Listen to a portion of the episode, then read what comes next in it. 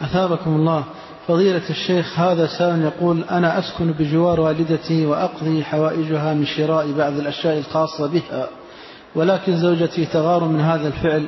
أرجو توجيهكم لي جزاكم الله خيرا. تغار تموت تحيا لا تفكر في شيء. هذا حق لأمك ما عليك من زوجتك.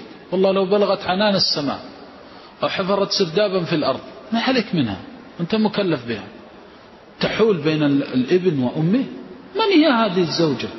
أمام أم حنون حملتك كرها ووضعتك كرها من الذي يجازيها ومن الذي يكافئها؟ هذه امرأة جاهلة ما وجدت تغار إلا على ولد مع أمه؟ هذا يقول بعض العلماء هذا جنون ليس بغيرة. هناك جنون هناك غيره لكن هذا ألعن من الغيرة وأسوأ لأنه جنون ما أحد يغار. من ولد مع أبيه وأم مع بنت مع أمها أو ولد مع أمه. الأم حقها عظيم. وعلى المرأة أن تتق الله وأن تعلم سعادة زوجها في بره لأمه. فإذا وقفت بينه وبين بره لأمه فويل لها من الله عز وجل. لأن هذا حرب يغيظ بها الشيطان ولي الله المؤمن البار بوالديه. يسلط عليه زوجته. وبعض الأحيان مصيبة الزوج يغار من زوجته إذا برت أباها أو أمها. وهذا كله من عبث الشيطان هذا جنون وليس بغيره. أنا المسلم أن يتق الله حق الأم كبير جدا. ما دامت أمك حية فادركها قبل أن تبكي الندم على فراقها. لا تفكر في زوجة ولا في أولاد ولا في أصحاب ولا في أحباب أمام الوالدين. فكر أين أنت مما أضعت من أيام خلت وأزمنة مضت طالما ضيعت هذا الحق. ووالله إذا قبرت أو ماتت لبكيت بكاء ندم على كل تفريط وعلى كل تقصير. هذه أمك. قال إلزم رجلها فإن الجنة ثم. ما قال اقضي حوائجها. الله أكبر إلزم رجلها. الجنة التي من أجلها سالت دماء الشهداء ومن أجلها بحت أصوات العلماء تعليما وتذكيرا من أجل الجنة عند رجل الوالدة. ثم تقول لي زوجتها إلزم رجلها. الله أكبر. والله لو تأملت في هذه الكلمة يحار عقلك ولبك. ما قال له طعها ما قال اقضي حوائجها. أبدا. قال يا رسول الله أقبلت من اليمن أبايعك على الهجرة والجهاد. قال أحية أمك. قال نعم. قال إلزم. إلزم رجلها. إيش معنى إلزم؟ أولا غاية الذلة. لأن الرجل موضع القدم هذا غاية الذلة. والإسلام عزيز. لم يقتصر القرآن وحده على التذلل للوالدين حتى تبعته السنة. الله يقول واخفض لهما جناح الذل. عبر بالذل للوالدين. ثم تأتي السنة وتقول إلزم رجلها. إلزم رجلها فإن الجنة ثم. أي هناك. جنة الله سلعته الغالية عند قدم الوالد. أين أنت؟ أنت في جنة عظيمة ونعمة جليلة كريمة ما دام قلب أمك يخفق. ما دامت الروح في جسد أمك أدركها قبل أن تبكي بكاء الندم. أسكت لسانا يحول بينك وبين بر أمك. وصم أذنك عمن يدعوك إلى التقصير أو التواني أو يثبطك. قل للزوجة من اليوم إياك أن تفتحي فمك في شيء بيني وبين أمي. وإياك أن تعترضي سبيلي إذا قمت ببري لأمي. هذا حق واجب عليك ليس لك فيه منة. حق الأم وما, وما حق الأم؟ مهما فعلت ومهما بذلت ما جازيتها حقه. ولذلك لما ينظر الإنسان إلى نصوص إذا نظر الموفق السعيد إلى نصوص الكتاب والسنة وجدها متضافرة ومتكاثرة في في تقديم حق الوالدين فلا يجوز للمسلم أن, أن يترك أو يرخي العنان لزوجته. الزوجة لها حق ولكن ليس على حساب الحق الأحق والأولى والأعظم. وهو الوالدة والوالد. الوالد يقول لك أريدك في شغل. وإذا بها تقول إيش هذا الوالد؟ ما نستمتع بك ما نجلس معاك. تقول لها اخرسي واصمتي هذا أبي وهذه أمي. وهذه أمي جنتي وناري. لا تتكلمي في الوالدين. من أول لحظة تسكتها.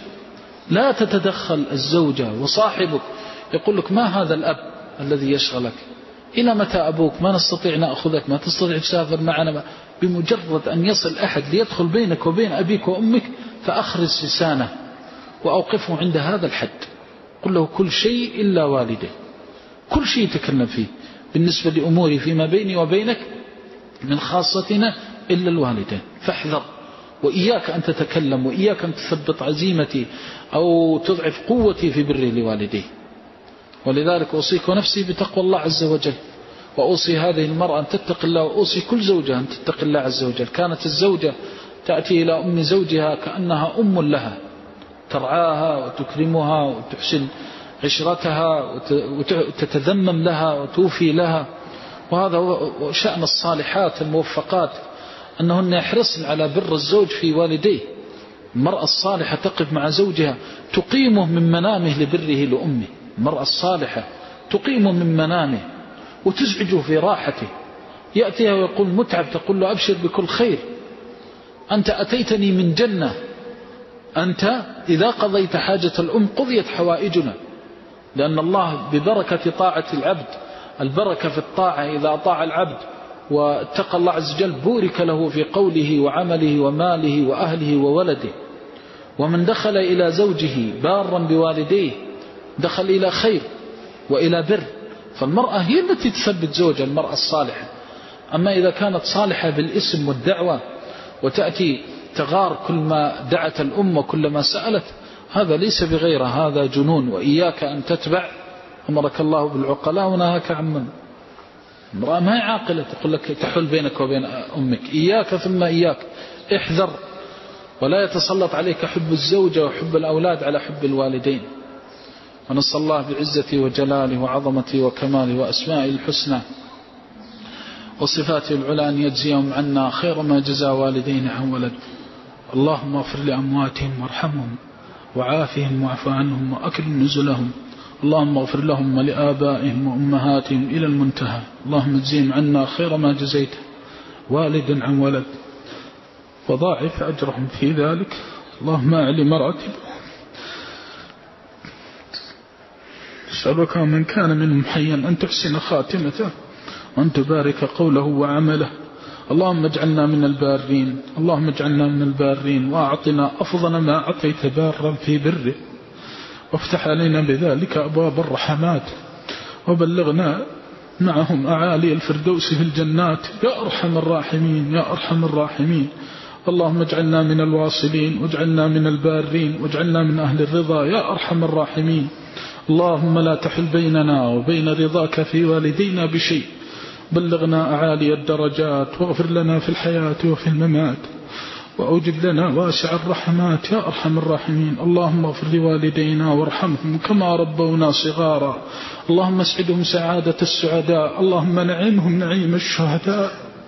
اللهم أنزلهم منازل الأتقياء. واجزيهم عنا خير الجزاء. اللهم اجزيهم عنا خير ما جزيت والد عن ولد. اللهم اجزيهم عنا خير ما جزيت والدا عن ولد. اللهم اغفر لهم ما قصروا في حقنا. اللهم اغفر لهم ما قصروا في حقنا وبدل سيئاتهم حسنات. وأوجب لهم رفعة الدرجات. ونعيم الجنات. يا أرحم الراحمين. اللهم أعنا على برهم أحياء وأمواتا. اللهم بر على برهم ورضاهم. يا أرحم الراحمين. اللهم اغفر لهم أتم المغفرة وأشملها وأعمها وأخصها وارحمهم أتم الرحمة وأشملها وأعمها وأخصها يا أرحم الراحمين. اللهم أحلناهم إليك أن تجزيهم بأحسن الجزاء وأن تنزلهم منازل السعداء وأن تجعلهم في جوار النبيين والصديقين والأتقياء يا فاطر الأرض والسماء يا أرحم الراحمين. اللهم اغفر لأحيائهم ويسر أمورهم واشرح صدورهم وأحسن خواتمهم وأصلح أقوالهم وأعمالهم وأرضهم عنا يا أرحم الراحمين. اللهم اغفر لنا ما قصرنا في حق والدينا أحياء وأمواتا. اللهم ارفع عنا آثار ذلك من السوء في ديننا ودنيانا يا أرحم الراحمين. اللهم اجبر كسرنا وارحم بعثنا اللهم اغفر للمؤمنين والمؤمنات والمسلمين والمسلمات والأحياء منهم والأموات. اللهم اغفر لهم وارحمهم وعافهم واعف عنهم وأكرم نزلهم وأوسع مدخلهم واغسلهم بالماء والثلج والبرد ونقهم من الذنوب والخطايا كما ينقى الثوب الأبيض